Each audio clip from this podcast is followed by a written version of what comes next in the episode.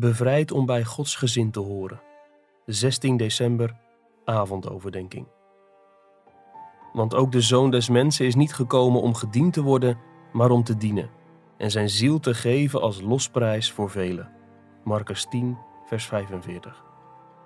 De reden dat er een losprijs voor ons moet worden betaald, is dat we onszelf hebben verkocht aan de zonde en vervreemd zijn van een heilige God. Toen Jezus zijn leven gaf als losprijs, moesten onze slavenmeesters, de zonde, de dood en de duivel, hun aanspraak op ons opgeven. Het resultaat was dat wij konden worden opgenomen in Gods gezin. In Galaten 4, vers 4 en 5 zegt Paulus het zo.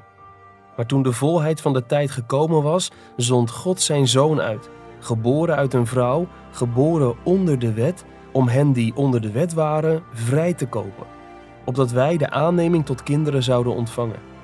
Met andere woorden, de verlossing of losprijs maakt ons vrij om deel te gaan uitmaken van Gods gezin. Wij waren weggelopen en hadden ons zelfs als slaaf verkocht. Maar God betaalt een losprijs om ons uit de slavernij in het huis van de Vader te brengen. Daarom moest Gods zoon mens worden, zodat hij in onze plaats kon lijden en sterven om de losprijs te betalen. Dat is de betekenis van kerst. Hebreeën 2 vers 14 brengt het zo onder woorden. Omdat nu die kinderen van vlees en bloed zijn, heeft hij eveneens daaraan deel gehad om door de dood hem die de macht over de dood had, dat is de duivel, te niet te doen. Met andere woorden, Christus moest onze volledige menselijkheid op zich nemen om te kunnen sterven. Door te sterven kon hij een losprijs betalen en ons bevrijden uit de macht van de dood. En door die bevrijding kunnen we worden opgenomen in zijn eigen gezin.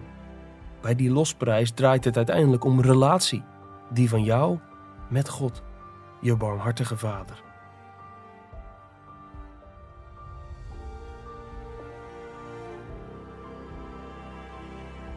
Je luisterde naar een overdenking uit het boek Onwankelbare Vreugde van John Piper. Het boek bevat 50 ochtend- en avondoverdenkingen voor Advent om je te helpen Christus centraal te stellen. Ga naar de webshop van Geloofstrusting om het boek te bestellen of ga naar onwankelbarevreugde.nl voor een online dagboek voor het hele jaar.